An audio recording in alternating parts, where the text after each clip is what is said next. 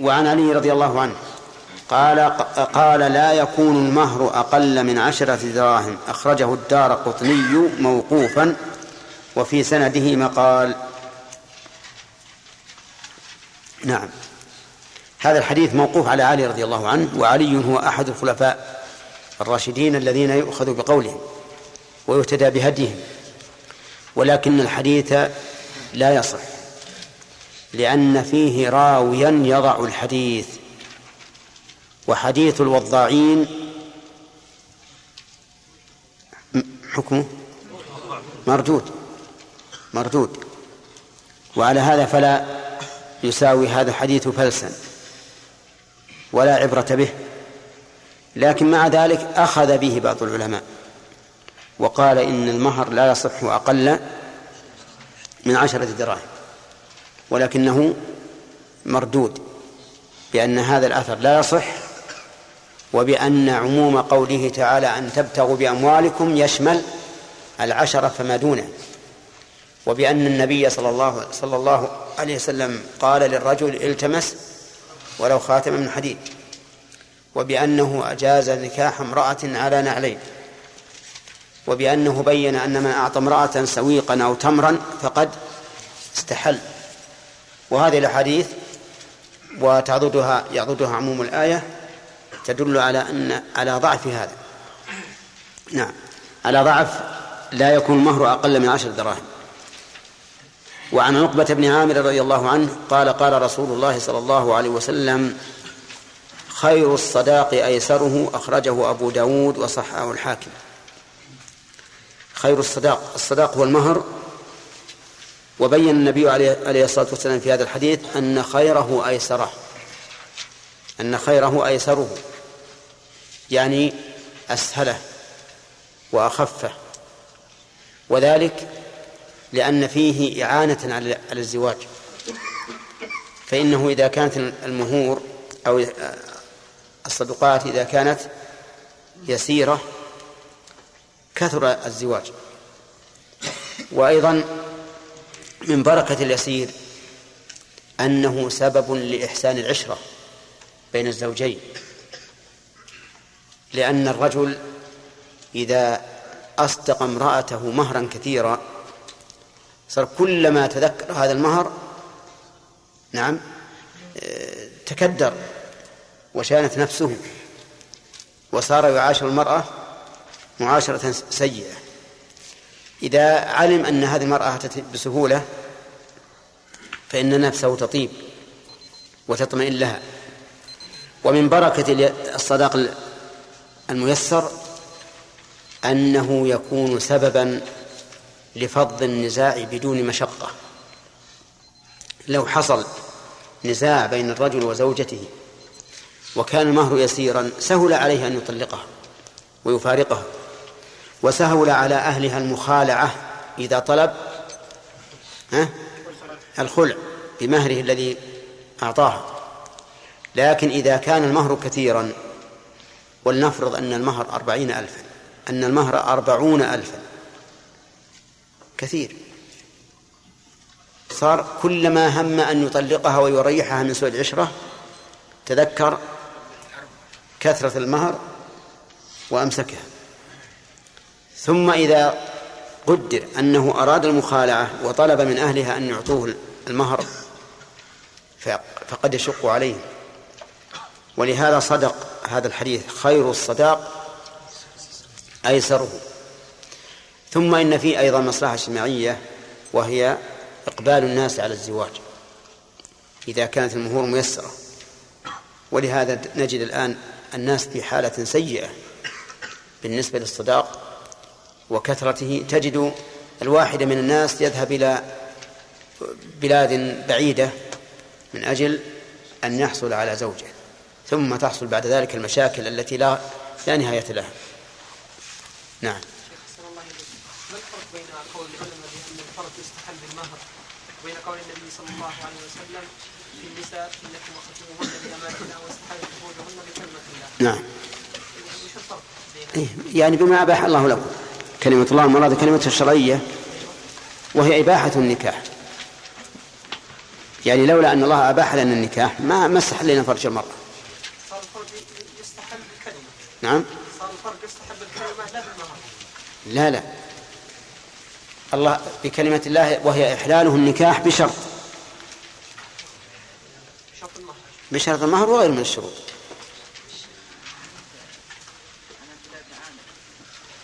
يقول وقول ابتدائي بحاشية الشيخ يقرون البخاري في كتاب النكاح لا ما يصير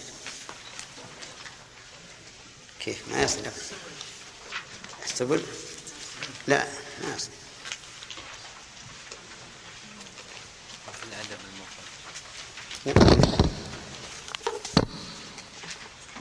هذه؟ هذا رواه أبو داود. الثاني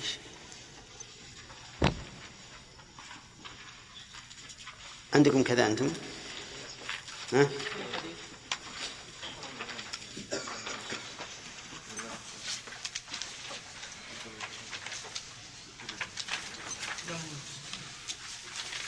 على كل حال يراجع يراجع نعم. يراجع حديث عبد الله بن عا- عامر بن ربيعة عن أبيه أن النبي صلى الله عليه وسلم أجاز نكاح امرأة على نعلين. أخرجه الترمذي وصححه وخلف في ذلك نعم. يقول رواه البخاري في الأسفل رواه البخاري في كتاب النكاح باب ما جاء في مهور النساء. ما أعتقد هذا. نعم. يراجع يراجع. يمكن خطأ في ال- في الرقم. ولكن بعض بعض الناس يحتج على على كثرة المهر. يقول إذا تزوجها بسهولة فسوف يلعب بها ويطلقها بسهولة ولا يحافظ عليها. شوف يا أخي هو إذا أحبها لو كانت لو كانت بريالين ما يطلقها. أبدا لا تفكر رقم الحديث الثالث واصل القصة في صحيح من حديث ابي سعيد الاسماعيلي لا هذا- هذا حديث سهل نعم هنا قلنا رواه البخاري في كتاب الطلاق رواه البخاري في كتاب النكاح؟ نعم كتاب الطلاق ليس على هذا الحديث. لا لا، اللي اللي عند مازن على هذا الحديث. نعم. بالنسبة إذا رجعنا إلى الصداق بالنسبة ولكن يختلف الصداق في السن والجمال. في بعضهم يزوجها في يعني مهر كثير وبعضهم قليل. على من نرجع؟ إذا اختلفوا نرجع إلى إلى إلى إلى الوسط. إذا اختلفوا مثل بقى أحد قليل وأحد كثير نرجع للوسط. طيب وخاتم الحديث هل يمكن الرد على العلماء الذين يقولون بحرمة التحلق بالحلي؟ لا هم يقول المحلق من الذهب خاصة. القران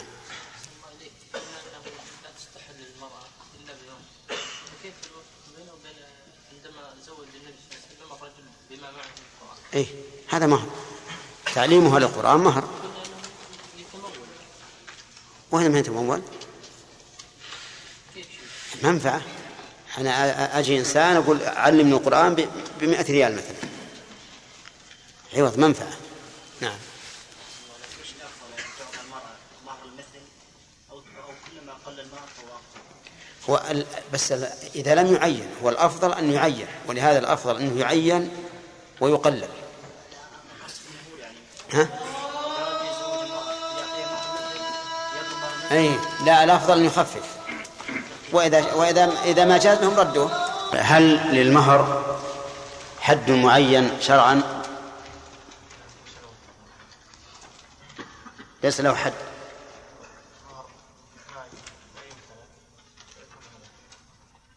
يكون عينا؟ ها؟ لا يكون عينا.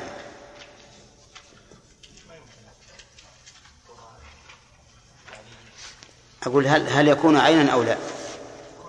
يكون عينا. مثل؟ نعم. دراهم. طيب. هل يكون منفعة؟ نعم. مثل؟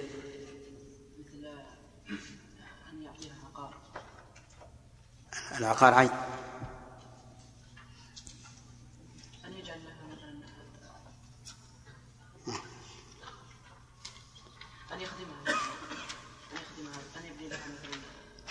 نعم. أن يبني لها بيتا. أو يخدمها. أو يعلمها القرآن. ماذا تقولون؟ صحيح؟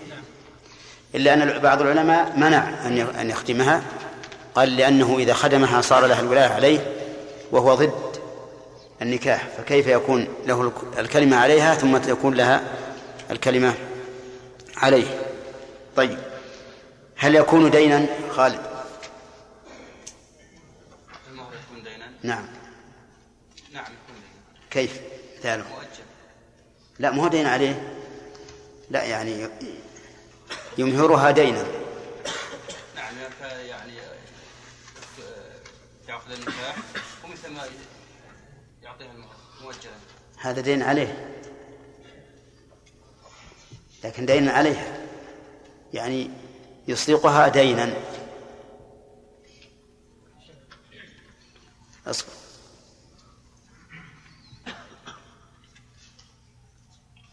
المهر يكون دينا عليه أو عليها. عليها. يصدقها دينا عليها.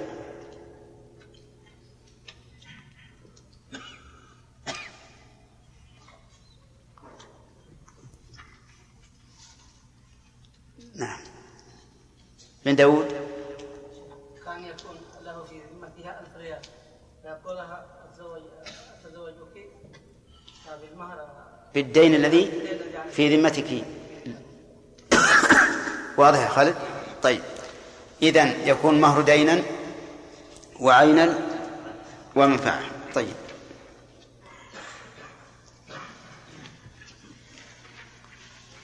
حديث سهل نحن شرحناه. وحديث علي. وعقبة. الله نسيت. طيب. آه، أيهما أفضل؟ رجل أصدق امرأة مئة ألف وآخر مئة ريال. أيهما خير؟ أيهما؟ الثاني الذي هو مئة ريال. كذا؟ الدليل؟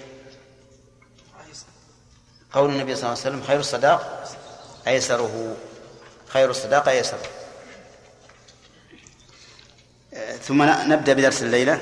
قال وعن عائشة رضي الله عنها أن عمرة بنت الجون تعوذت من رسول الله صلى الله عليه وسلم حين أدخلت عليه تعني لما تزوجها.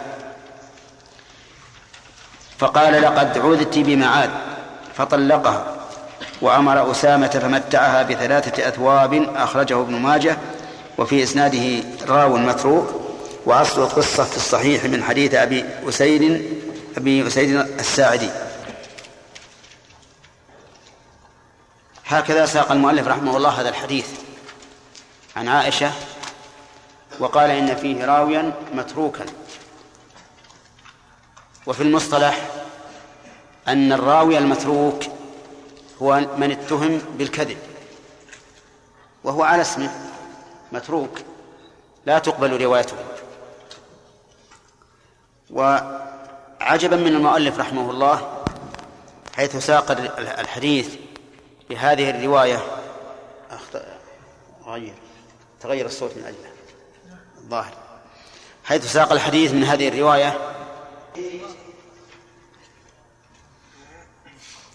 من هذه الرواية التي ذكر أن فيها راوي متروكا وترك الرواية التي في صحيح البخاري من حديث عائشة. وهو نفسه رحمه الله ذكرها في كتاب الطلاق في باب الطلاق.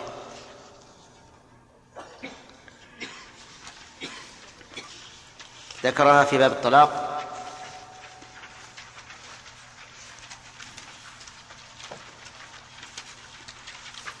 رقم 1116 عن عائشة رضي الله عنها أن ابنة الجوني لما أدخلت على رسول الله صلى الله عليه وسلم ودنا منها قالت أعوذ بالله منك فقال لقد عذت بعظيم الحقي بأهلك. رواه البخاري. نعم. عندي أنا 1116 ما يخال ما المهم أنكم وجدتموه في باب الطلاق. نعم. هو نفس الحديث. وهذا مما يدل على أن الإنسان مهما بلغ في العلم والحفظ فإنه معرض للنسيان معرض للخطأ. والمهم من هذا الحديث أن أن النبي صلى الله عليه وسلم أمر أسامة فمتعها بثلاثة أثواب. متعها بثلاثة أثواب. وجل ما لا يوجد في غيره. وقد قال عليه الصلاة والسلام إني لأخشاكم لله وأتقاكم له ولهذا لما استعاذت بالله منه تركها مع أنه تزوجها عن رغبة لكنه عليه الصلاة والسلام يفضل ما يرضاه الله عز وجل وتعظيم الله على رغبة نفسه. ومن فوائد هذا الحديث أنه ينبغي لمن است... لمن استعاذه لمن استعاذ منه بالله أحد أن يعيده وقد جاء الأمر بذلك صريحا. من استعاذكم بالله فأعيذوه ولكنه يشترط. يشترط لذلك أن لا يستعيذ بالله من أمر واجب عليه يلزم به. لأننا نعلم أن من استعاذ بالله من أمر واجب عليه يلزم به أن الله لا يعيده. فلو أن رجلا أمرناه بصلاة الجماعة وعزمنا عليه فقال أعوذ بالله منكم فإننا لا نعيده لماذا؟ لأننا نعم لأننا نعلم أن الله لا يعيد من من ترك واجبا ولو رأينا رجلا يريد أن يشرب خمرا فمنعناه فقال أعوذ بالله منكم فإننا لا نعيده أيضا لماذا؟ لأن نعلم أن الله لا يعيد من أراد أن يفعل محرما. وهكذا القاعدة. لكن من استعاذ بالله في أمر من حقوقنا نحن أو في أمر مباح فإننا نعيده نعيده بذلك لأنه إنما لجأ واضطر إلى الله عز وجل فينبغي أن لا نحول بينه وبين من لجأ إليه وهو الرب العظيم جل وعلا. ومن فوائد هذا الحديث أن الطلاق له كنايات لأن قوله هنا فطلقها تعبير عن قوله الحقي بأهلك. فإن الرسول صلى الله عليه وسلم قال لها لما استعاذت منه بالله قال الحقي بأهلك. وكنايات الطلاق كل لفظ يحتمل الطلاق وغيره. فهو كناية. ولا يقع به الطلاق إلا بنية بنية الطلاق. فقول الإنسان لامرأته الحقي بأهلك يحتمل أنه أراد الطلاق أو أراد أن تلحق بهم للزيارة أو أراد أن تلحق بهم ليطفئ غضبه نار غضبه حتى يهدأ لئلا يقع بينهما ما يكره أو ما أشبه ذلك. أليس كذلك؟ ويحتمل الأمر الرابع أنه أراد الطلاق. فنقول إن نوى الطلاق صار طلاقا. وإن لم ينوه نعم لم يكن طلاقا. وذلك لأن اللفظ يحتمل الطلاق وغيره فلا يتعين الطلاق إلا بالنية. واختلف العلماء. هل ظاهر الحال يعين المعنى أو لا؟ هل ظاهر الحال يعين المعنى أو لا؟ كيف؟ يعني لو قال هذه الكلمة أو غيرها من الكنايات في حال غضب. في حال غضب. فإن دلالة الحال تدل على أنه إيش؟ أراد الطلاق. مع أنه يحتمل أنه لم يرده. لكن ظاهر الحال يدل على أنه أراد الطلاق. وكذلك لو قالت له طلقني فقال فارق الحقي بأهلك. ولك ولم ينوي شيء. هل هل يقع الطلاق أو لا؟ نقول ظاهر الحال. ها. جيبوا يا جماعة. ظاهر الحال أنه أراد الطلاق لأنها سألت الطلاق فقال الحقي بأهلك. أو قال فارق. نعم. مع مع أن مع أن فيه احتمالا أنه لم يرد الطلاق. وأنه قال فارقي يعني كلمة زجر. عندنا الآن في عرفنا كلمة فارق كلمة زجر.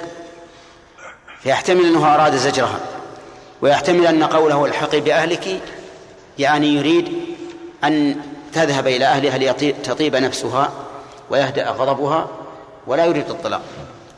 أقول اختلف العلماء فيما إذا كان ظاهر الحال يدل على إرادة الطلاق. هل يقع الطلاق أو لا؟ في هذا للعلماء قولان القول الأول أنه يقع الطلاق اعتبارا بظاهر الحال.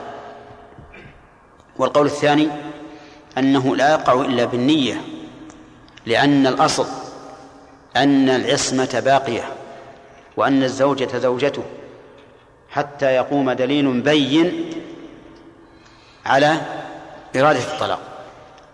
ومن القواعد المقررة أن اليقين لا يزول بالاحتمال. وما هو اليقين هنا؟ ها؟ العصمة وبقاء النكاح فلا يزول بالاحتمال. إذا نقول القول الراجح أنه لا يكون طلاقا إلا بالنية إلا بالنية. وقال بعض العلماء يكون طلاقا ما لم ينو غيره. انتبهوا للفرق بين القولين. يكون طلاقا عملا بظاهر؟ الحال. إلا أن يريد غيره. إن أراد غيره لم يكن طلاقا. إن لقوله صلى الله عليه وسلم إنما الأعمال بالنيات وإنما لكل امرئ ما نوى. وهذه هذا القول ربما يرجح عند المحاكمة. ربما يرجح عند المحاكمة يعني إذا أتوا إلى القاضي فالقاضي يقول أنا ليس لي إلا الظاهر. وظاهر الحال يقتضي أنه أراد الطلاق. نعم. أما إذا كان فيما بين الزوج والزوجة وقال لها أنا لم أريد الطلاق وصدقته بذلك فلا يقع الطلاق. وسيأتي إن شاء الله مزيد بحث لهذا في في باب الطلاق. لكن نحن ذكرناه هنا استطرادا. ذكرناه هنا استطرادا. وقول ومن فوائد هذا الحديث أن المطلقة تمتع لقولها أمر أسامة أو أمر أسيد بن حضير كما في الرواية الأخرى. على كل حال المطلقة تمتع والمتعة نوعان متعة واجبة ومتعة غير واجبة. سنة. فالمتعة الواجبة هي ما وجب بالطلاق قبل الدخول والخلوة. ما وجب بالطلاق قبل الدخول والخلوة إذا لم يسم لها صداقة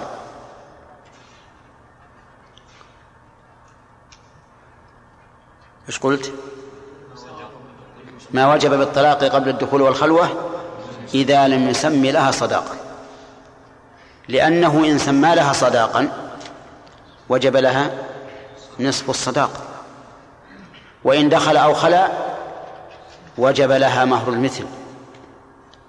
وإن لم يسمي صداقة فإذا طلق ولم يسمي صداقة قبل الدخول والخلوة فالمتعة واجبة. قال الله تعالى لا جناح عليكم إن طلقتم النساء ما لم تمسوهن أو تفرضوا لهن فريضة إيش؟ ومتعوهن. على الموسع قدره وعلى المقتر قدره فأوجب حتى على الفقير. هذه نقول إنها متعة واجبة. المتعة المستحبة ما وقعت بعد الدخول. نعم. ما وجه المتعة المستحبة ما كانت بالطلاق بعد الدخول أو الخلوة. لأنه بالدخول أو الخلوة يجب المهر. إما المعين إن كان معينا وإما مهر المثل إن لم يكن معينا. وأظن خليل سارح معنا. فإذا طلقها بعد الدخول أو الخلوة فإنه يشرع أن يمتعها. لكن أكثر العلماء على أن هذه المتعة سنة ليست واجبة. ويرى بعض العلماء أنها واجبة. ودليل هذا قوله تعالى وللمطلقات متاع بالمعروف حقا على المتقين. للمطلقات عامة. متاع بالمعروف حقا على المتقين. وهذا القول اختيار شيخ الإسلام ابن تيمية رحمه الله فيما أظن لأن الآية صريح العموم فيها ظاهر. وللمطلقات متاع بالمعروف حقا على المتقين. والنظر يقتضي وجوب ذلك. لماذا؟ لأن طلاق المرأة ها كسرها كما قال النبي عليه الصلاة والسلام. وإذا كان كسرها فالذي ينبغي للإنسان أن يجبر هذا الكسر بشيء من المال. وإن كان بعض النساء لا يفتي زوجها عند عندها الدنيا كلها. لكن على كل حال الإنسان إذا اضطر إلى إلى الطلاق وطلق فإنه يجب عليه أن يمتعها حقا على المتقين. طيب هذه المتعة التي وقعت من النبي عليه الصلاة والسلام. هل هي من باب الواجب أو من باب المستحب؟ نعم.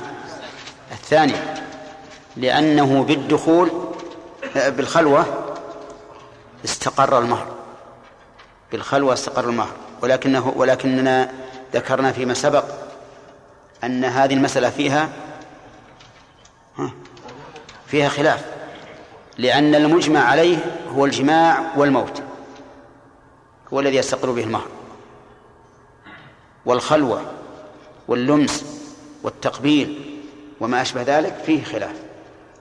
وذكرنا أن عن أن عن الإمام أحمد رحمه الله رواية في الموضوع فيما يستقر به المهر. إيش؟ أنه إذا استباح منها ما لا يستباح إلا بالعقد. وجب المهر. وسبق الكلام في هذا. المهم نقول في هذا أما على قول من يرى أن المهر لا يستقر إلا بالجماع فإن هذه المتعة من باب من باب الواجب. وأما على قول من يرى أنه يستقر بالخلوة فهذه المتعة من باب المستحب. إلا على القول الثاني الذي يقول إن كل مطلقة يجب لها متعة فيكون من باب الواجب. ما أدري المسألة فيها وضوح ولا ها؟ ها فؤاد إيش؟ ما ماذا فهمت؟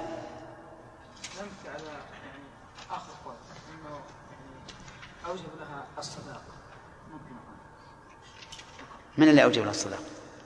الان في قول أهل العلم في ايجاب الصداقه لها منهم من يرى أول المتعة الآن تعرف المتعة وش هي؟ هذا اللي زال على وش المتعة؟ الذي يعطى أي تطيبا لخاطرها. طيب قلنا فيه متعة واجبة وفيه متعة غير واجبة. ما هي ما هي الواجبة؟ الواجبة يعني إذا لم يدخل بالمرأة ولم يسمي لها صداقة. نعم. إذا لم يدخل بها ولم يخل بها ولم يسمي صداقة. فالمتعة واجبة. كذا؟ الدليل قول الله عز وجل و- ومتعوهن وعلى المسيء قدره لا جناح عليكم. إن طلقتم النساء ما لم تمسوهن أو تفرضوا لهن فريضة ومتعوهن. طيب هذه واحدة. المتعة المستحبة؟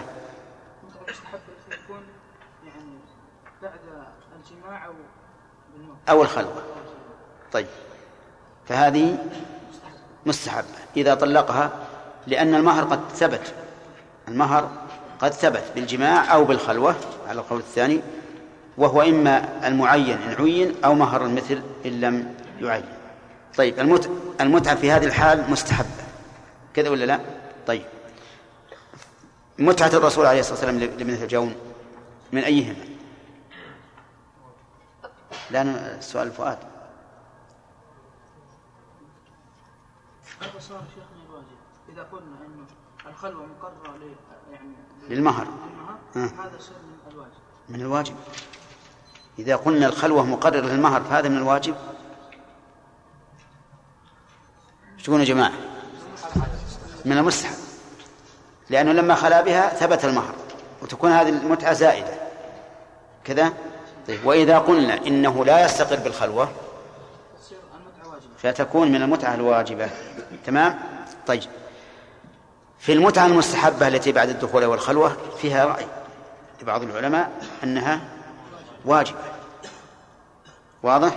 وعلى هذا الرأي تكون المتعة واجبة لكل مطلقة فإن كانت قبل الدخول أو الخلوة فهي عوض عن ما تستحق من المهر وإن كان بعده فهي جبرا لخاطره تمام؟ واضح يا جماعة؟ طيب. نعم. الذي يترجح أن المتعة واجبة لكل مطلقة لأن الآية واضح وللمطلقات متاع بالمعروف حقا على المتقين. لكنها ليست كالأولى. الأولى على الموسع قدره وعلى المقتر قدره. والثانية على الموسع ما أراد. المتعة التي التي بعد الدخول والخلوة. لأن الله قال متاع بالمعروف. والمقتل ليس عليه شيء. لأن المقتل معسر فلا يلزمه شيء. وانتهى الكلام على الحديث. ويجب على كل من سجلوا الكلام على هذا الحديث في الدرس السابق أن يمسحوه ويحل ويحل محله هذا ها؟ إيش؟ هذه ليست في الصحيح هذه ليست في الصحيح التي ذكرت عن أمهات المؤمنين عن بعض أمهات المؤمنين أنهم قالوا لها لما رأوها جميلة جدا وشريفة وحسيبة ونسيبة قالوا إن المرأة التي تريد أن تحظى عند زوجها عند النبي صلى الله عليه وسلم إذا دخل عليها فلتقل أعوذ بالله منك. لكنها ليست في الصحيح. نرجع الآن إلى المناقشة يا إخوان ها؟ إي نعم. ولهذا نحب أنك تسمعنا باب الصداق. ثم قال باب الوليمة. الوليمة مأخوذة من فعيلة بمعنى مفعولة وأصلها من أولم إذا جمع. الوليمة فعيلة بمعنى مفعولة من أولم إذا جمع وأصلها الاجتماع على الشيء لكنها نقلت من هذا المعنى العام إلى الاجتماع على الطعام للعرس وهي ما يصنع من الطعام أيام العرس وتكون من الزوج وقد تكون من أولياء المرأة وقد تكون منهم جميعا. قال عن أنس بن مالك رضي الله عنه أن النبي صلى الله عليه وسلم رأى على عبد الرحمن بن عوف أثر صفرة فقال ما هذا؟ قال يا رسول الله إني تزوجت امرأة على وزن نواة من ذهب. قال فبارك الله لك. أولم ولو بشاة. متفق عليه واللفظ لمسلم. قالوا رأى على عبد الرحمن بن عوف عبد الرحمن بن عوف رضي الله عنه من المهاجرين. ولما قدم المدينة آخى النبي صلى الله عليه وسلم بينه وبين رجل من الأنصار.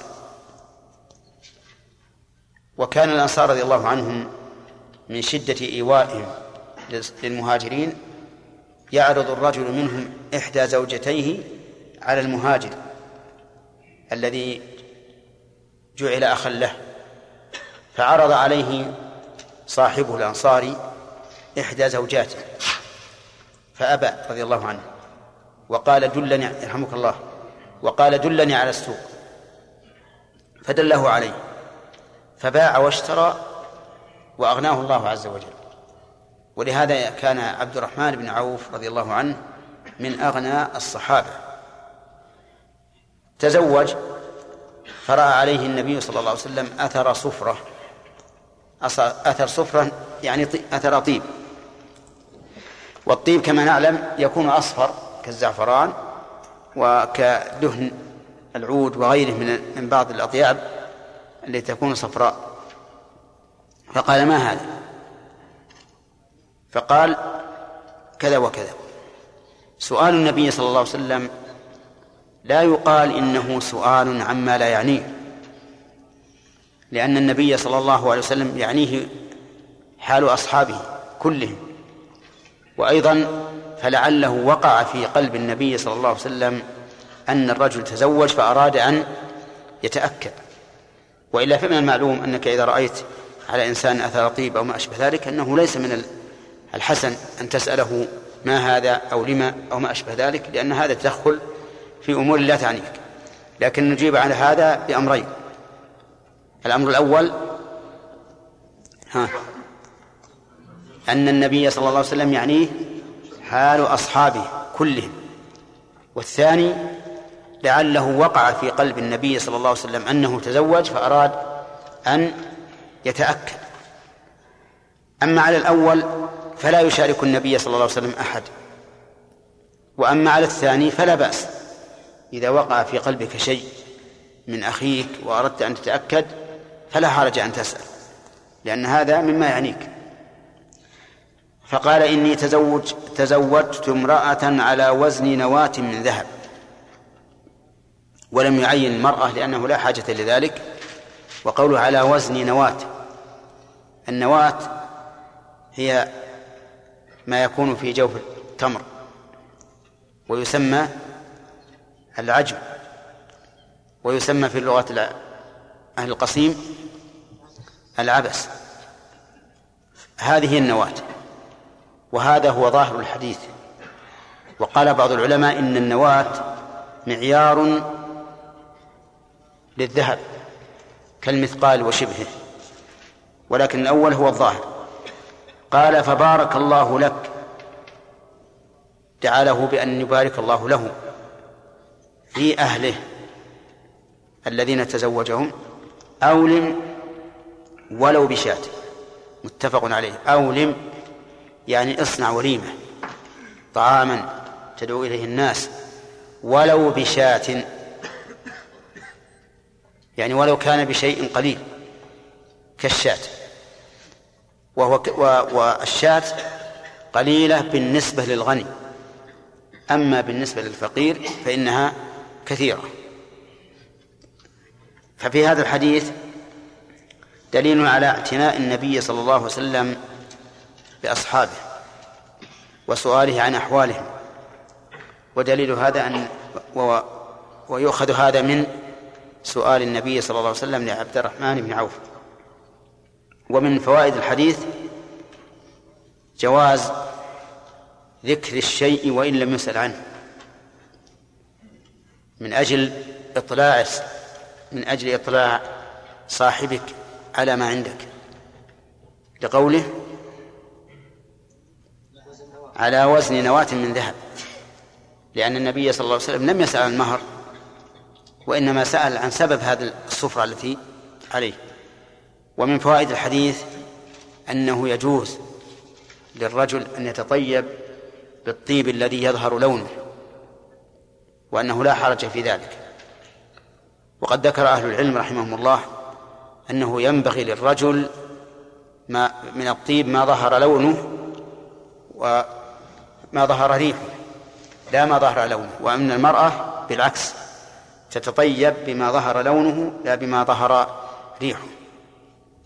لأن المرأة يحصل منها الفتنة إذا ظهر منها رائحة الطيب. لكن اللون يعطيها نوعا من الجمال ومعلوم أنها لن تكشف هذا الجمال إلا لزوجها ونسائها ومحارمها. ومن فوائد هذا الحديث أنه قد جرت العادة بأن المتزوج يتطيب وذلك لأن الطيب من الأعمال الطيبة ومن الأعمال التي ترغب الرجل في أهله والمرأة في زوجها. ومن فوائد هذا الحديث جواز تقدير الذهب بما يختلف إذا كان الأمر مقاربا لقوله على وزن نواة من الذهب. ومعلوم أن أن النواة يختلف. لكنه اختلافا لكنه يختلف اختلافا متقاربا. ومن فوائد هذا الحديث الدعاء أو مشروعية الدعاء للمتزوج بالبركة. لقوله بارك الله لك. وأصل والبركة هي الخير الكثير الواسع مأخوذة من البركة وهي مقر الماء الكثير الكبير. ومن فوائد هذا الحديث جواز الاقتصار على بعض الدعاء المشهور وهو بارك الله لكما وعليكما وجمع بينكما في خير. فهنا اقتصر النبي صلى الله عليه وسلم على بعض الدعاء ولا بأس به. ومن فوائد هذا الحديث أن الأمر في مثل هذه الأمور واسع. فلو قال بارك الله لك وعليك وجمع بينكما في خير فحسن ولو قال بارك الله لك فحسن ولو قال الله يبارك لك فحسن ولو قال مبروك. نعم. لا لا لا تتعجلوا. لو قال مبروك الزواج يا فلان. ها؟ فحسن. وإن كان بعض الناس يقول إن مبروك من بركة الناقة. يعني من بروك البعيد. لكن هذا غير صحيح. لأن بركة الناقة فعل متعدي. والفعل المتعدي لا يصاغ منه اسم المفعول إلا بواسطة. ولهذا من علامة الفعل المتعدي صحة صوغ اسم المفعول منه. فجاء ما يمكن تصوغ منه اسم المفعول إلا ب إلا بتعدي يعني إلا متعديا بحرف الجر مثل مجيء إليه. المهم أن كلمة مبروك عند العامة سواء صحت لغة أو أو لم تصح بمعنى حلول البركة فيما فعل فيما حصل له. ومن فوائد هذا الحديث مشروعية الوليمة لقوله أولم ولو بشاة. وذهب بعض أهل العلم إلى أن الوليمة واجبة واستدل لذلك بأن الأصل في الأمر الوجوب ولكنها واجبة بقدر يسر المرء وعسره. ومن فوائدها حرص الشرع على إظهار النكاح لأن الوليمة لا شك أنها سبب لظهور النكاح ومعرفة الناس به ولهذا أمر بها. ومن فوائدها أن أقل الوليمة للغني شاة ولا سيما إذا كان وسط مجتمع فقير. لقوله ولو بشاة. وذهب بعض العلماء إلى أن لو هنا للتكثير وأن أكثر ما يكون من الوليمة الشاة ولكن في هذا نظرا لأن هذا خروج بها عن معناها اللغوي ولكن نقول كل امرئ بحسبه الغني له حكم والفقير له حكم. ذكر بعض إخواننا نكتة على هذا. وقال إن الناس مسحوا النقط في قوله ولو بشاة فصارت ولو بشاه يعني الشاهي. وكان هذا في زمن الناس فيه فقراء لا يولمون لا يدرى عن تزوج الرجل إلا إذا تحدث الناس به فيما بعد. فكان بعض الإخوان من طلبة العلم يقول إن يقول إن الناس قد حكوا نقط الشاة. فصارت ولو بشاة.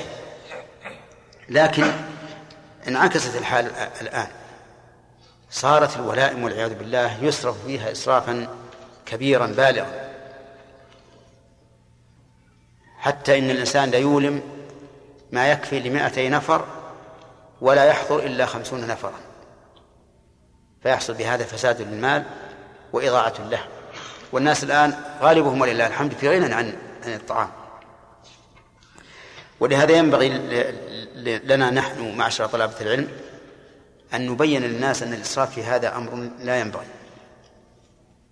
وأنه ربما يكون فيه مضرة أما المضرة المالية فظاهر والمضرة الاجتماعية ربما يكون في هذا إحراج لبعض الناس.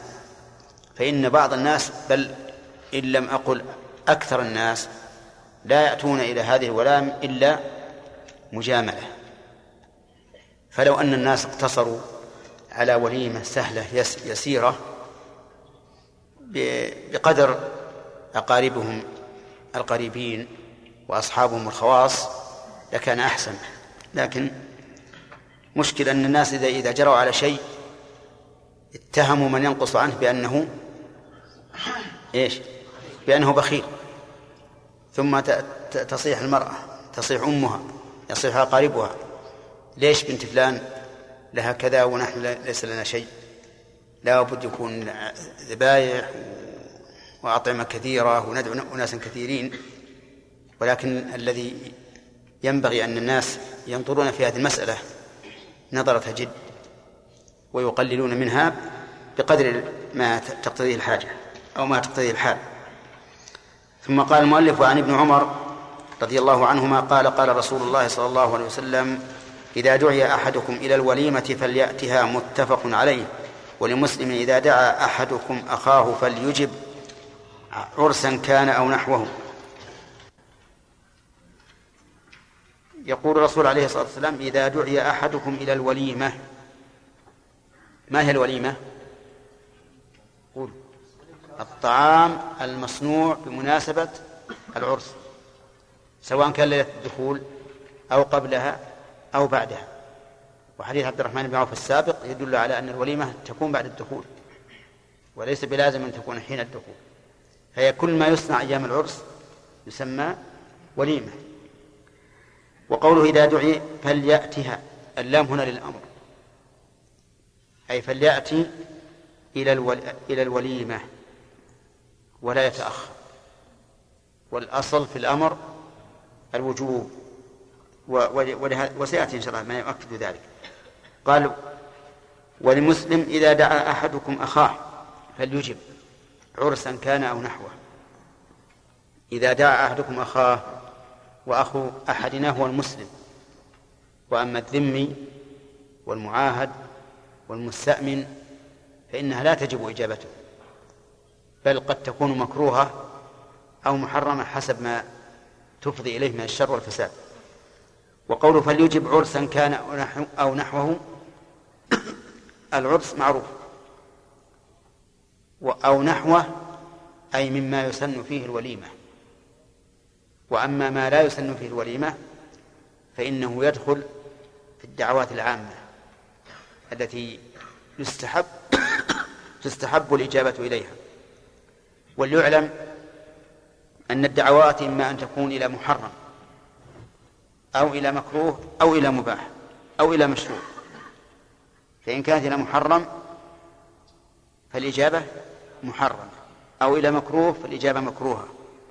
أو إلى مباح فالإجابة مباحة لكن تستحب لما يترتب عليها من الإلفة. وجبر الخاطر ونحو ذلك. أو إلى مشروع فهي مشروعة. وقوله إلى إلى الوليمة فليأتها. ظاهر الحديث العموم ولكنه مقيد بما سيأتي إن شاء الله وهي أن تكون في أول مرة. فإن كانت في الثانية أو الثالثة فإنه لا تجب الإجابة. الثاني أن لا يكون في مكان الدعوة منكر. فإن كان فيه منكر فإن الإجابة لا تجب. إلا إذا كان قادرا على تغييره فإن الإجابة تجب لوجهين الوجه الأول الدعوة والوجه الثاني إزالة المنكر. طيب فإن كان لا يقدر على تغييره لكنه سوف يكون في مكان آخر غير الذي فيه المنكر مثل أن يكون صاحب الوليمة قد أعد مكانين مكانا فيه العزف وآلات له والغنى المحرم ومكانا خاليا من ذلك. فهل تجب الإجابة؟ يقول العلماء في هذه المسألة يخير بين الإجابة وعدمها. وإذا كان كذلك فيجب أن ننظر إلى المصلحة. إن كانت المصلحة في الإجابة أجاب. وإن كانت المصلحة في عدم الإجابة فلا يجب. إذن يقول يشترط أن لا يكون في مكان الدعوة منكر.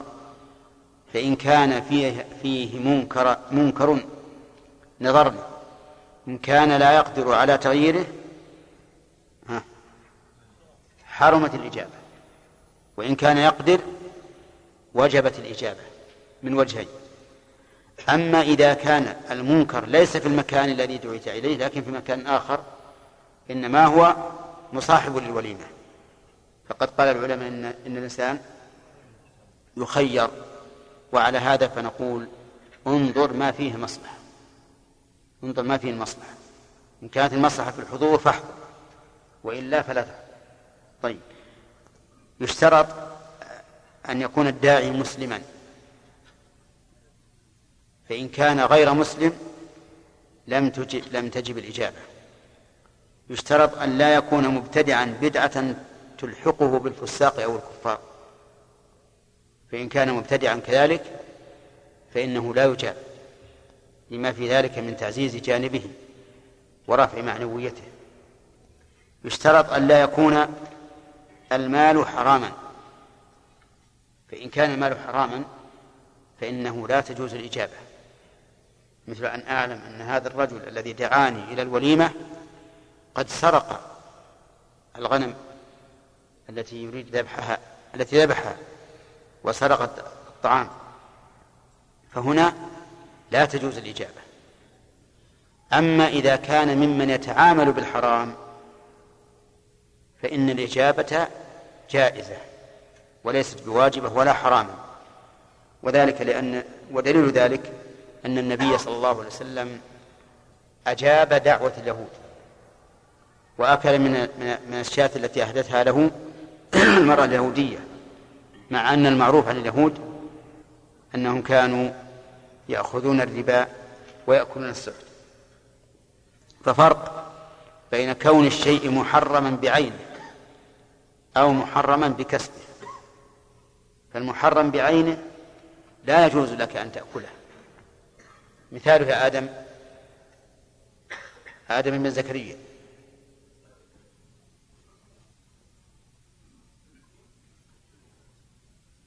سليم.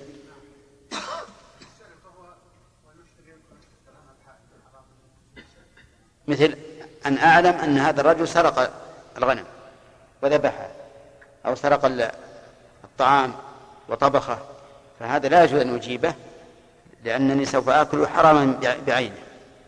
الحرام بكسبه صالح. إي نعم. مثل أن يكون الداعي من يتعامل بالربا أو بالغش أو بالكذب. فهنا الإجابة. آه. جائزة ليست حراما ولا واجبة. ولكنه إذا كان في عدم إجابته مصلحة بحيث يتوب عما هو عليه فحينئذ تتعين يتعين عدم عدم الإجابة.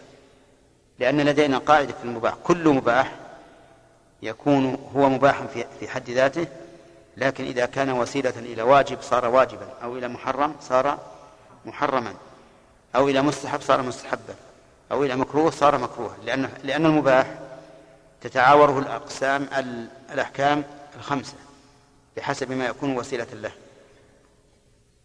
الشروط إذن للإجابة أن يكون الداعي مسلم. والثاني أن لا يكون مبتدعا بدعة مكفرة أو مفسقة. الثالث أن لا يكون في المكان حرام. الرابع أن لا يكون كسبه حراما أو نفس ال- الوليمة حرام. الخامس أن يكون ذلك في أول مرة. يكون هذا في أول مرة. فإن كان قد أولم ثم أعاد الوليمة أو أعادها مرة ثالثة فإن هذا لا تجب إجابته كما سيأتي في الحديث طيب في غير الوليمة هل إجابة الداعي واجبة أو لا؟ في هذا خلاف بين العلماء. فالظاهرية يرون أن إجابة الدعوة واجبة إذا تمت الشروط التي ذكرناها وغيرهم يرى أنها ليست بواجبة ولكنها مستحبة بخلاف وليمة العرس. بقي علينا شرط يمكن أن نجعله شرطا سادسا وهو أن لا يلحق المدعو ضرر. فإن لحقه ضرر فإنه فإن الواجب يسقط لأنه إذا كانت إذا كانت الطهارة بالماء وهي شرط لصحة الصلاة إذا تضرر بها الإنسان سقطت عنه فما بالك بهذا؟ قال وعن أبي هريرة رضي الله عنه قال قال رسول الله صلى الله عليه وسلم شر الطعام طعام الوليمة. شر مبتدأ وطعام الوليمة خبره. ويجوز العكس أن يكون طعام الوليمة مبتدأ وشر الطعام خبره مقدما. يمنعها من يأتيها أي يمنع منها من يأتيها وهم الفقراء. ويدعى إليها من يأباها وهم الأغنياء. ومن لم يجب الدعوة فقد عصى الله ورسوله. أخرجه مسلم. قوله عليه الصلاة والسلام شر الطعام طعام الوليمة. ليس هذا على إطلاقه بل هو مقيد بما ذكر بعده وهو يمنعها من يأتيها ويدعى إليها من يأباها. أي أي الوليمة التي لا يدعى إليها إلا الأغنياء ويمنع منها الفقراء فهي شر الطعام. وأما الوليمة التي يتمشى فيها الإنسان على ما جاءت به السنة فإنها خير الطعام لأن النبي صلى الله عليه وسلم أمر بها. وأقل أحوال الأمر إيش؟ أقل الاستحباب. وما كان مستحبا لا يمكن أن يوصف بأنه شر. إذا فقول الشر الطعام طعام الوليمة المراد إيش؟ ها؟ الوليمة التي يدعى إليها الأغنياء ويترك الفقراء. طيب في هذا الحديث فوائد. الفائدة الأولى فمن فوائده فمن فوائده أنه إذا كانت الوليمة يدعى إليها الأغنياء ويترك الفقراء صارت شر الطعام. ولكن هل يأثم الإنسان بذلك أو لا؟ إذا كان هناك حاجة شديدة للفقراء فإنه يأثم. وإلا فلا يأثم. ومن فوائد هذا الحديث وجوب إجابة الدعوة إلى الوليمة.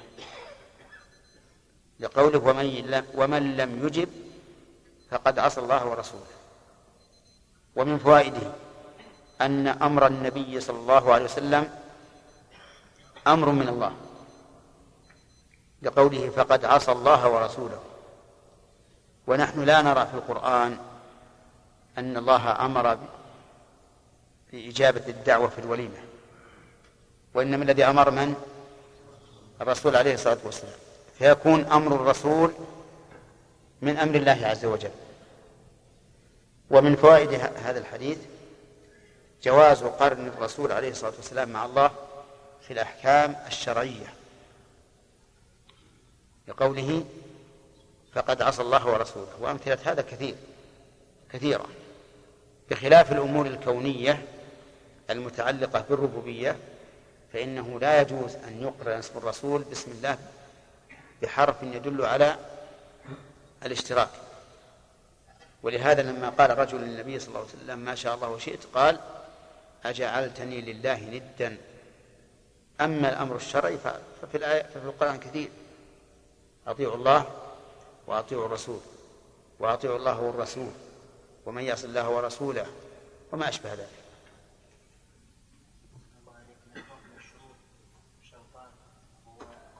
نص عليه ولا يكون يتضمن سفر صحيح أما أما أن أن يعينه هذا معروف. لأن إذا لم يعينه ما دعاه حقيقة. دعا دعوة عامة جفلت وأما السفر فهو داخل في قولنا إذا تضرر. في مشقة. مشقة. وربما يلهيه عن أشياء كثيرة. يعني إذا احتاجت إلى سفر سوف تستغرق أوقاتا أخرى. فلا يلزم أما إذا إذا لم يعين فإن دعا مثل أن يدعو الجفل فإنها لا تجب الإجابة بل قد تكون الإجابة لأشراف الناس وأعيانهم من باب الامتهان. ودعوة الجفلاء سيأتينا إن شاء الله حكمها هل هي مكروهة أو لا. إذا تخلف المدعو في اليوم الأول لعذر في نعم. وقدم قبل اليوم الثاني. فهل تلزم في اليوم الثاني؟ ما تلزم. لأن أصل الوليمة في اليوم الثاني ليست متأكدة كتأكدها في اليوم الأول. لكن بالنسبة لهذا الشخص المتخلف نعم. ما تأكد؟ لا ما تتأكد. لأنه مدعو بالأول. نعم. يقول ان المال اذا كان محرما يعني بعينه يعني هو الذي يحرم فقط. نعم ابو بكر رضي الله عنه لما اكل عند المراه البغيه التي لما اخبرته بعد ان اكل وضع يده في فمه اراد ان يتقنع مع ان المال ليس محرما بعينه. إيه. ما هو عوض عن محرم. أولا يحتاج إلى صحة الحديث هذا أو الأثر عن أبي بكر. والثاني أنه عوض عن محرم. والشيء الثالث أن هذا على سبيل الورع وليس على سبيل الوجوب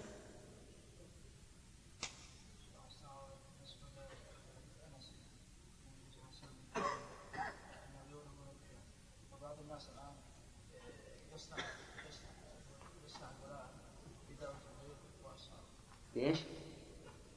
بعض الناس الان يصنع الولاء مثلا لاصحابه بالشاة هل هذا يكون يعني يعني بالشاة والبعير الشاة غير مثل إيش؟ يعني ظباء يجعل معها الشاة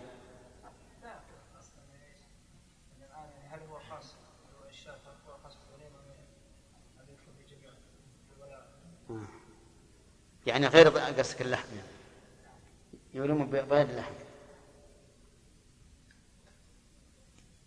الظاهر إنه اذا جرى العرف بأن الايلام بغير اللحم أشد وأبلغ في الإكرام وفي إعلان النكاح انه يكفي. نعم.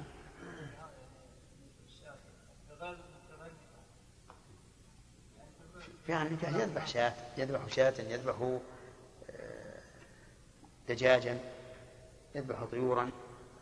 ما شاء ما أده الناس إكراما فهو إكرام.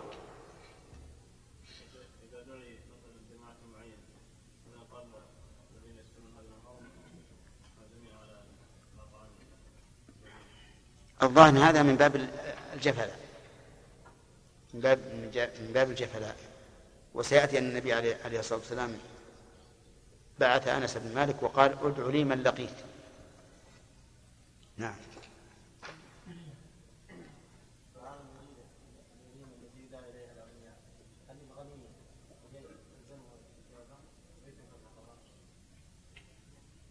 نعم نقول إذا إذا تمت الشروط لزمته الإجابة ويشير على صاحبه بأن يدعو الفقراء ويقول هم أحق بها منا.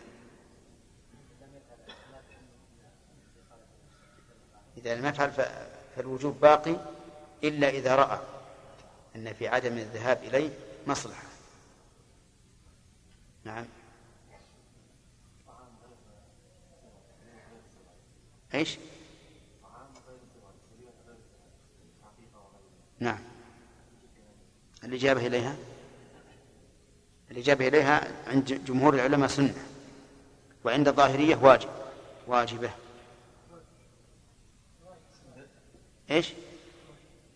ها؟ إيه، الراجح. الذي يظهر لي أنها سنة. وليست بواجبة لأن فيها مشقة على الناس ولو أوجبنا على كل من دعي أن يجيب. لذهبت أوقاته كلها بالدعوات. نعم. نعم نقول لأن لأن الرسول عليه الصلاة والسلام في حديث آخر قال في- دعوة الوليمة العرس ومن لم يجب فقد عصى الله ورسوله. فقد يقول نقول هذا مخصص مع أنه على رأي الجمهور ليس بمخصص لأن ذكر بعض أفراد العام بحكم يشترك فيه العام. لا يدل على التخصيص. على كل حال رأي الجمهور أقرب للصواب عندي لما في ذلك من المشقة. نعم. إذا دعي الشخص وتوفرت شروط الإجابة ولكن الحضور غير ضروري. لأمر أهم من الحضور طلب العلم أو مراجعة. يستأذن من صاحبه. إذا كان عنده الشغل مهم نعم يستأذن من صاحبه. وإلا فإن طلب العلم لأجل معرفة تطبيق الأحكام. فأنا إذا طلبت العلم وعلمت بأن إجابة الدعوة واجبة فإن من ثمرات العلم أن أجيب. ولكن يعني إذا جاء شخص يعني مو صعب. هو ربما أنه يكون يكثر تكثر الدعوات ويجب الإنسان كل دعوة صعب عليه. فمثل هذا ينبغي أن يستأذن ويسلم. وما هو المهر؟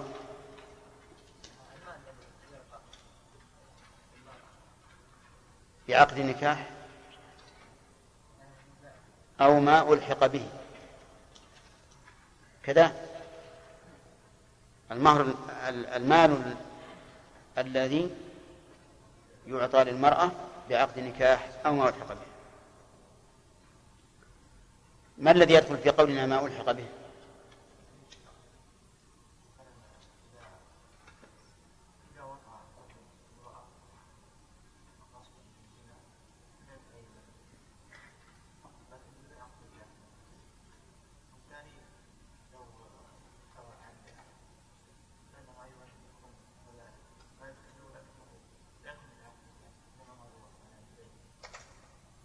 ه- هذا خرج بقولنا بعقد النكاح أنا أريد ما الذي دخل في قولنا وما ألحق به.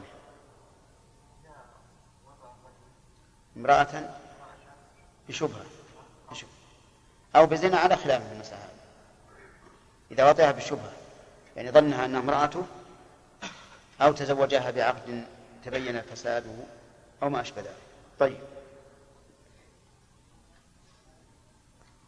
المهر تارة يسقط وتارة يتنصف وتارة يثبت كاملا. القاعدة في هذا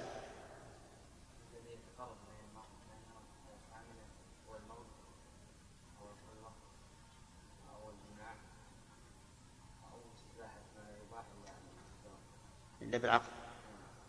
نعم.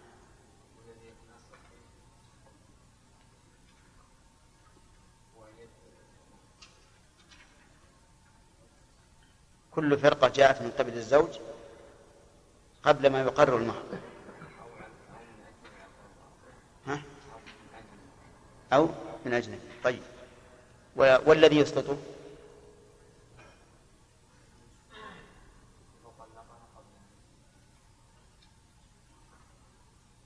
لو طلقها معنى أن- أنه من قبله الفرقة. لا يسقط. كمل إذا جاءت منها قبل قبل أن يحدث شيء به. أحسنت. يسقط بكل فرقة من الزوجة قبل أن يتقرر المهر. كذا؟ طيب لو فسخها لعيبها بعد أن تقرر المهر هل يثبت المهر ولا يسقط؟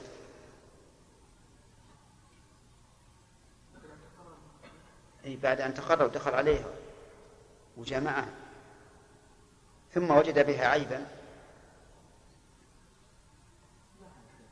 ها لها؟ طيب يضيع عليه وما ما يبغاها الآن. وجدها معيبة مرة. ما يصبر عليها.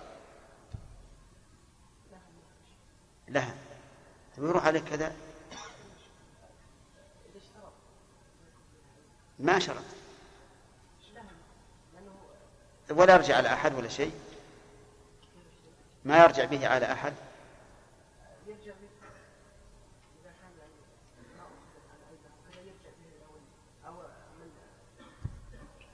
من غره؟ يشتغلون يا جماعة؟ صحيح؟ أي نعم. يرجع به على من غره. نقول الآن لما وجد ما يقرره تقرر. ما عاد يمكن يرتفع. طيب إذا كانت هي التي غرته. زهير.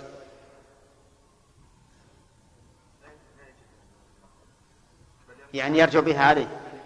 يرجع بها عليه هي. إيه، تدري ولا أخبرت هي ولهذا قلنا هي التي غرته. يرجع بها عليه. وإن كان لم. لم يسلمه فلا شيء عليه. طيب. ما هي الفتوى التي أفتى بها عبد الله بن مسعود وصارت مطابقة للسنة؟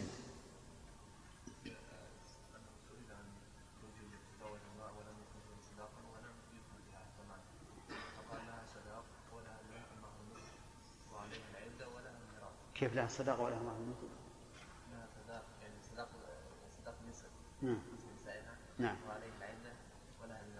ولها الميراث طيب. هل لهذه الفتوى أصل من القرآن؟ ها. لما قال لها صد- لها صداق أخذ بعموم قوله تبارك وتعالى وأحل لكم ما وراء ما وراء ذلك وأن تكتبوا بأموالكم ولما قال لها عليها عدة و- و- ولا ولا يتربصن بأنفسهن لعموم قوله والذين يتوفون منكم يتربصن بأنفسهن. نعم.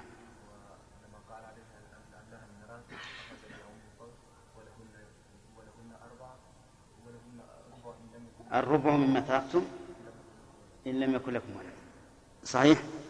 إذن هذه الفتوى مبنية على أصول من الشرع ثم جاءت السنة مقررة لها.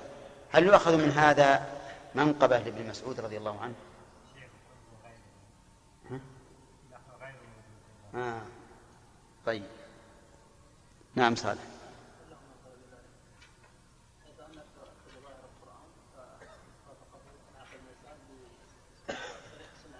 حيث وافق السنة الثابتة عن النبي صلى الله عليه وسلم. طيب. يقول في الحديث أن ابن مسعود فرح بها. الأخ. ها؟ ارفع يدك. أي نعم. معه القلم. يقول ابن مسعود فرح بها. فكيف يفرح بها؟ وقد قال الله تعالى إن الله لا يحب الفرحين.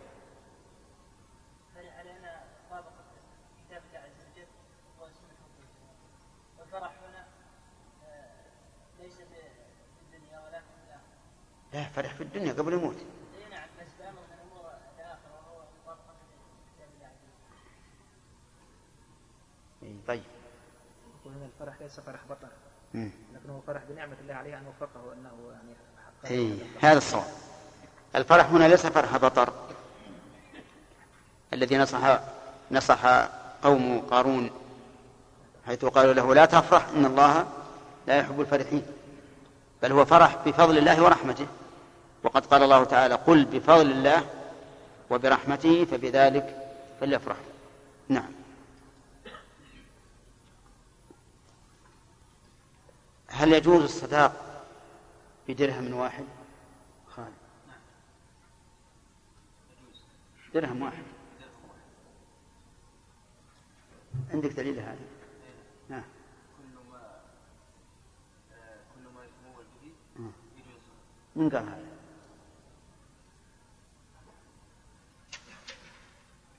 وقول علي يقول يكون المهر أقل أقل من عشرة درهم إذا هذا درهم واحد. إذا صح إذا صح الخبر. إذا كيف تستدل به وأنت تقول إذا صح؟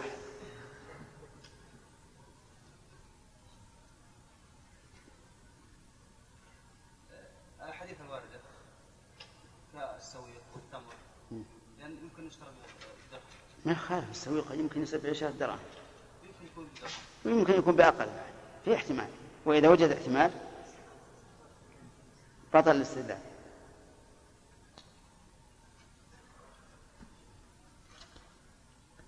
فالمهر يعني كل ما يتمول به إيه بس من قال هذا. يعني في من العلماء من قال لا يكون أقل من عشرة دراهم عبد الله.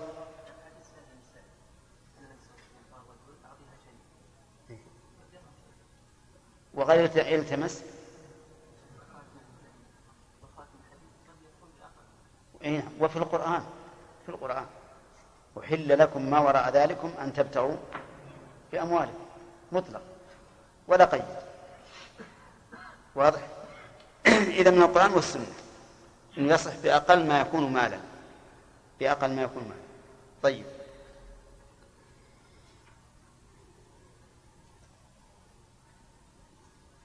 ما تقول في من شرط من مهر ابنته شيئا؟ قال للزوج أنا أزوجك بنتي. على أن يكون لها خمسين خمسون ألفا. ولي عشرون ألفا وللأم عشرة آلاف ولإخوتها العشرة لكل واحد خمسمائة.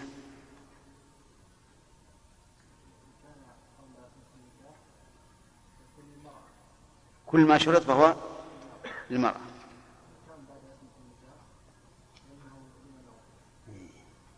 وش يا جماعة؟ صحيح. لأنه بعد عصمة النكاح يكون يجري مجرى الهدية. مجرى الهدية. قبل العصمة يجري مجرى الإلزام. والمال الملزم به إنما هو للنساء. قال الله تعالى وآتوا النساء صدقاتهن نحلة. تمام. طيب. وهذا هو الذي دل عليه الحديث الذي ذكره المؤلف عن عمرو بن شعيب عن أبيه عن جده.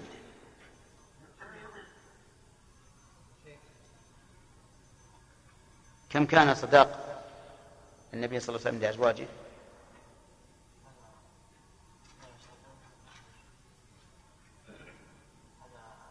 كم كان؟ ما هو مو لازم خمسمائة درهم. كم تقابل خمسمائة درهم إسلامي في دراهمنا اليوم؟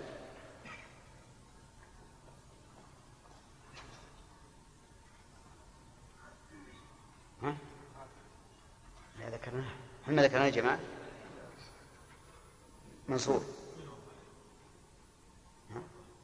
140 أم 256 و 256 هذه 112 ها. بقي 100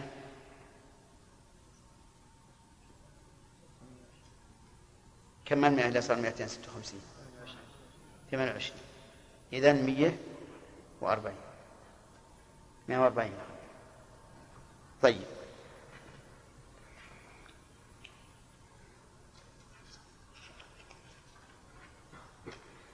هل يجوز للإنسان يا خالد؟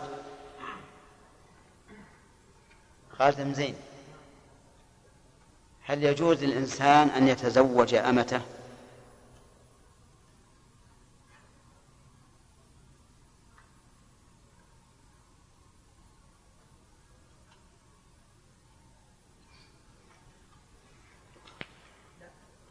لا كيف ها؟ يطأها بملك اليمين لكن يريد أن يتزوجها. ما يتزوجها؟ أليس الرسول عليه الصلاة والسلام تزوج صفية؟ ها. إيش يا جماعة؟ صحيح؟ نعم. لا لا أمته أمته ما هو بخايف المعنى متى يجوز يطأها بملك اليمين ما هو بخايف المعنى إذا لا يصح أن يتزوج الرجل أمته. ولكن إذا أراد أن يطأها بعقد النكاح فليعتقها ويجعل اعتقها صدقة. طيب التعليل هذا هذا يعني الحكم لكن ما هو التعليل؟ يقول لأن الملك أقوى من النكاح. الملك أقوى لأن المالك يملك منفعة البضع ومنفعة البدن ومنفعة المال لأن مالها له ولا يرد الأضعف على إيش؟ على الأقوى. لا يرد الأضعف على الأقوى. وعلى هذا فنقول يرد الملك على عقد النكاح. ولا يرد عقد النكاح على الملك. يعني لو أن إنسان تزوج أمه تزوج أمه بشروط بشر- بالشروط التامة. ثم اشتراها فالعقد صحيح. وينفسخ النكاح ويكون وطئه إياها بعد بعد البيع بعد الشراء. ها؟ بملك إيش؟ بملك اليمين. بملك اليمين. طيب.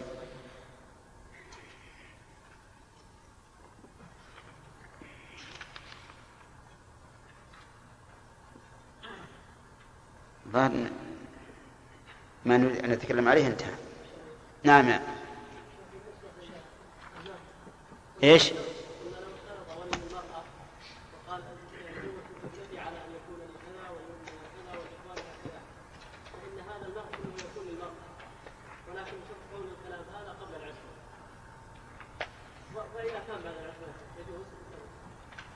إذا- إذا كان بعد العصمة وبعد العقد فالزوج بالخيار. لأنه ما يقدرون ي- يتحكمون عليه؟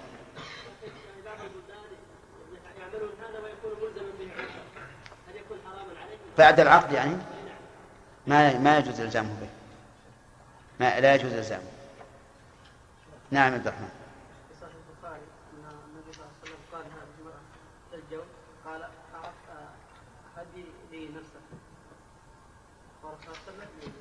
يرد العطيه وهنا يعني طلب منه. إيش؟ قال لها هدي لي نفسك نعم وسلم يعني ما ما كان يقول يعني هذه الهبة ما هي بهبة العطية. يعني مكنيني من نفسك. لأن الرسول مد يده إليها ورآها يعني قد تغيرت.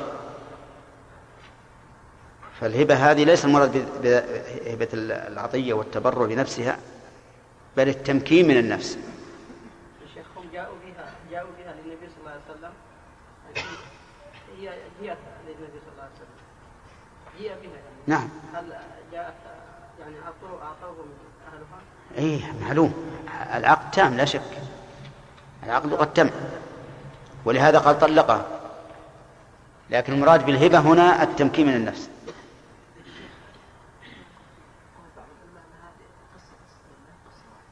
ما هو صحيح. هي قصة واحدة. بنت الجوني واحدة احد القصص قال بعد ما تزوجها قال يعني وبعض القصص ذهب ما يمنع. يعني يقول الحق بأهلك وي- ويروح يتركها. يعني ما ما بين يتنافي حتى نحتاج إلى تعدل القصة. هذا كثيرا ما يقع. كثيرا ما يقع. ما يضر. نعم. ها الزوجة لو قال لزوجها أعوذ بالله منك فقل يقول له طلقها مشكلة هذا يعني. كل مرة تزعل على زوجها بأدنى شيء تقول أعوذ بالله منك. أو مثلا لا تريد أن تقضي حاجتها تقول أعوذ بالله منك. ما يلزم هذا. هذا لا يلزم لأن إذا استعاذت مر علينا قبل قليل. إذا استعاذ بالله فرارا من أمر واجب عليها فإنه لا لا يجوز إعادته. لكن النبي عليه الصلاة والسلام تنازل عن حقه وتركه نعم من ناحية ال- يعني إذا أعطى إذا أعطى المرأة لأقارب المرأة عطية قبل ال- قبل النكاح ولم يعني لم يشترطوا عليه ذلك هل يعني أيضا تكون للمرأة الهدية يعني. يعني هدية لأقارب المرأة ولكن قبل أن قبل العقد. اي ظاهر الحديث أنها للمرأة. ظاهر الحديث أنها للمرأة. لأنه قال أيما صداق أو حباء أو عدة. والحباء هو اله- الهدية. هذا يحصل كثير أي نعم يحصل كثيرا. يحصل كثيرا. والعرف الآن العرف أن المرأة سامحة بذلك لا، ما ما دام ما هو ممنوع؟ فالأصل في العادات الأصل في العادات الحل. حتى يقوم دين على المال. نعم. أقول لو شرط عليه لو شرطوا أهله أهل المرأة شرطوا عليه ذلك. وقبل الشرط وهو يعلم. ذلك إيش؟ شرطوا أن أن له ذلك. له إيش؟ للأب والأم والإخوة ومن شرط شيء من المهر يعني. أي نعم. قبل العصمة. فقبل ذلك لأنه يعلم أن ما كان قبل العصمة فهو لها. نعم. لا ما ما ما يلزمهم ما يلزمه شيء لهم. نعم. لا يلزمه شيء لهم. لأنه اراد ان يخادعهم. هو اي يقول لا لا يلزمهم يروح للمرأة. اي نعم. ما هي الوليمة؟ للعرس نعم. وهل تطلق على غير ذلك؟ نعم.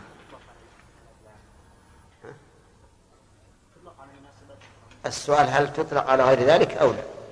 تطلق لكن مقيدة. فيقال مثلا وليمة ختان وليمة كذا وليمة كذا. تبين. عند الإطلاق تكون للعرس. نعم. طيب. حكم ألو... كم هذه؟ ستة شروط. عليان سبعة. ما يدخل في الضرر هذا؟ طيب. هل هذا الحق يا هداية الله وأنت تقول إنك ما حضرت لكن رفعت أصبعك؟ سبحان الذي علمك وأنت لم تحضر. ها؟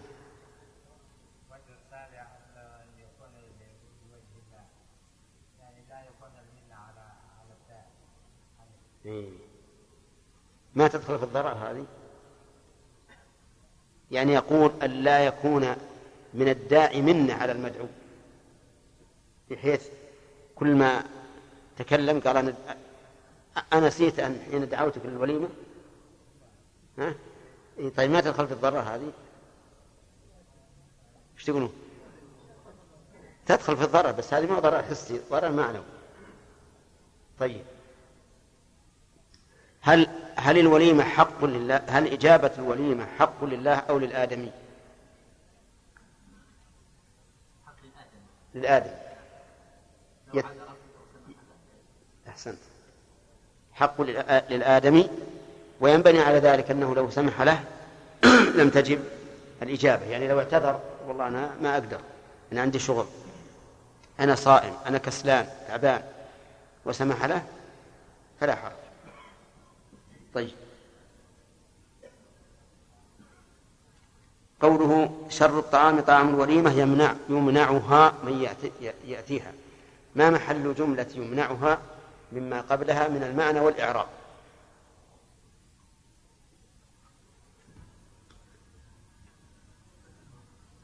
ها؟ نعم. هذا في المعنى. وفي الإعراب. ها جل وش معنى أنا أنا كنت أظن أن يمنعها التفسير معناه أن الرسول فسر الوليمة التي هي شر عند إطعامها شر. لكن في الإعراب ما ذكرنا إعراب أظن جملة حالية. ها؟ ذكرنا جملة حالية. وفيه وجه آخر. يصح أن تكون الجملة صفة على اعتقاد أن ال في الوليمة غير معرفة. ونظير هذا قول الشاعر ولقد أمر على اللئيم يسبني أمر على اللئيم يسبني فمضيت ثم قلت لا يعنيني. هذه من الحكم. المعنى ولقد أمر على لئيم يسبني. فأمضي. طيب هذا الوجه الأخير ما ذكرناه في الشرح. طيب نقرأ درس جديد الآن. فوائد حديث أبي هريرة انتهينا منها أظن. ها؟ انتهينا منها. هل تكلمنا على قوله فقد عصى الله ورسوله حيث جمع بين بين الله عز وجل بين معصية الله ورسوله بالواو؟ ها؟ تكلمنا عليه. ماذا قلنا يا سلامة؟ أن الرسول صلى الله عليه وسلم مع الله في الأحكام الشرعية. في الأحكام الشرعية أما في الأمور الكونية؟ فلا يجوز. صح؟ طيب. لا على التساوي. الأمور الكونية. مثل ما شاء الله وشئت أو هذا من الله ومنك. أما الأمور الشرعية فلا بأس. لو اعتبر الأصول أربعة إيه لا بأس. الممنوع الممنوع حرف نقل التسوية؟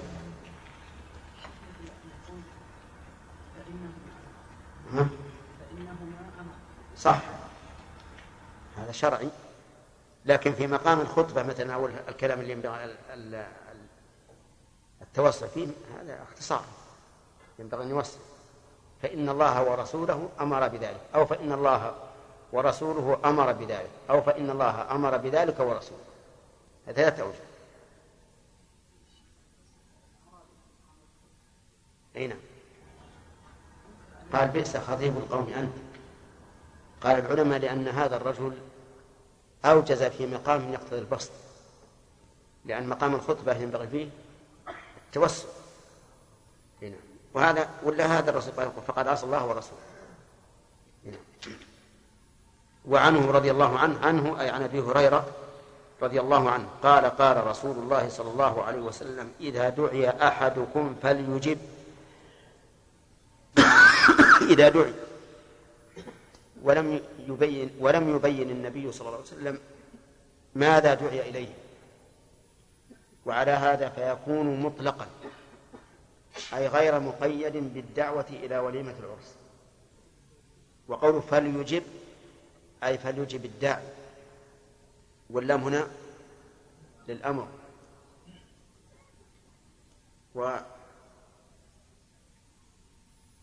وسكنت لأن القاعدة أن لام الأمر إذا جاءت بعد الفاء والواو وثم فإنها تسكن وفيما عدا ذلك تكسر. أما لام التعليل فإنها تكسر دائما حتى لو جاءت بعد الواو وثم والفاء. قال الله تعالى ليكفروا بما آتيناهم ها؟ وليتمتعوا ولا يجوز أن تقول وليتمتعوا لأن اللام في قوله وليتمتعوا للتعليل. لو كانت للأمر لسكنت قال الله تعالى فل فليمدد بسبب إلى السماء ثم ليقطع فلينظر. وقال تعالى ثم ليقضوا تفثهم وليوفوا نذورهم وليطوفوا بالبيت العتيق. وهنا قال فليجب على القاعدة. فإن كان صائما فليصلي.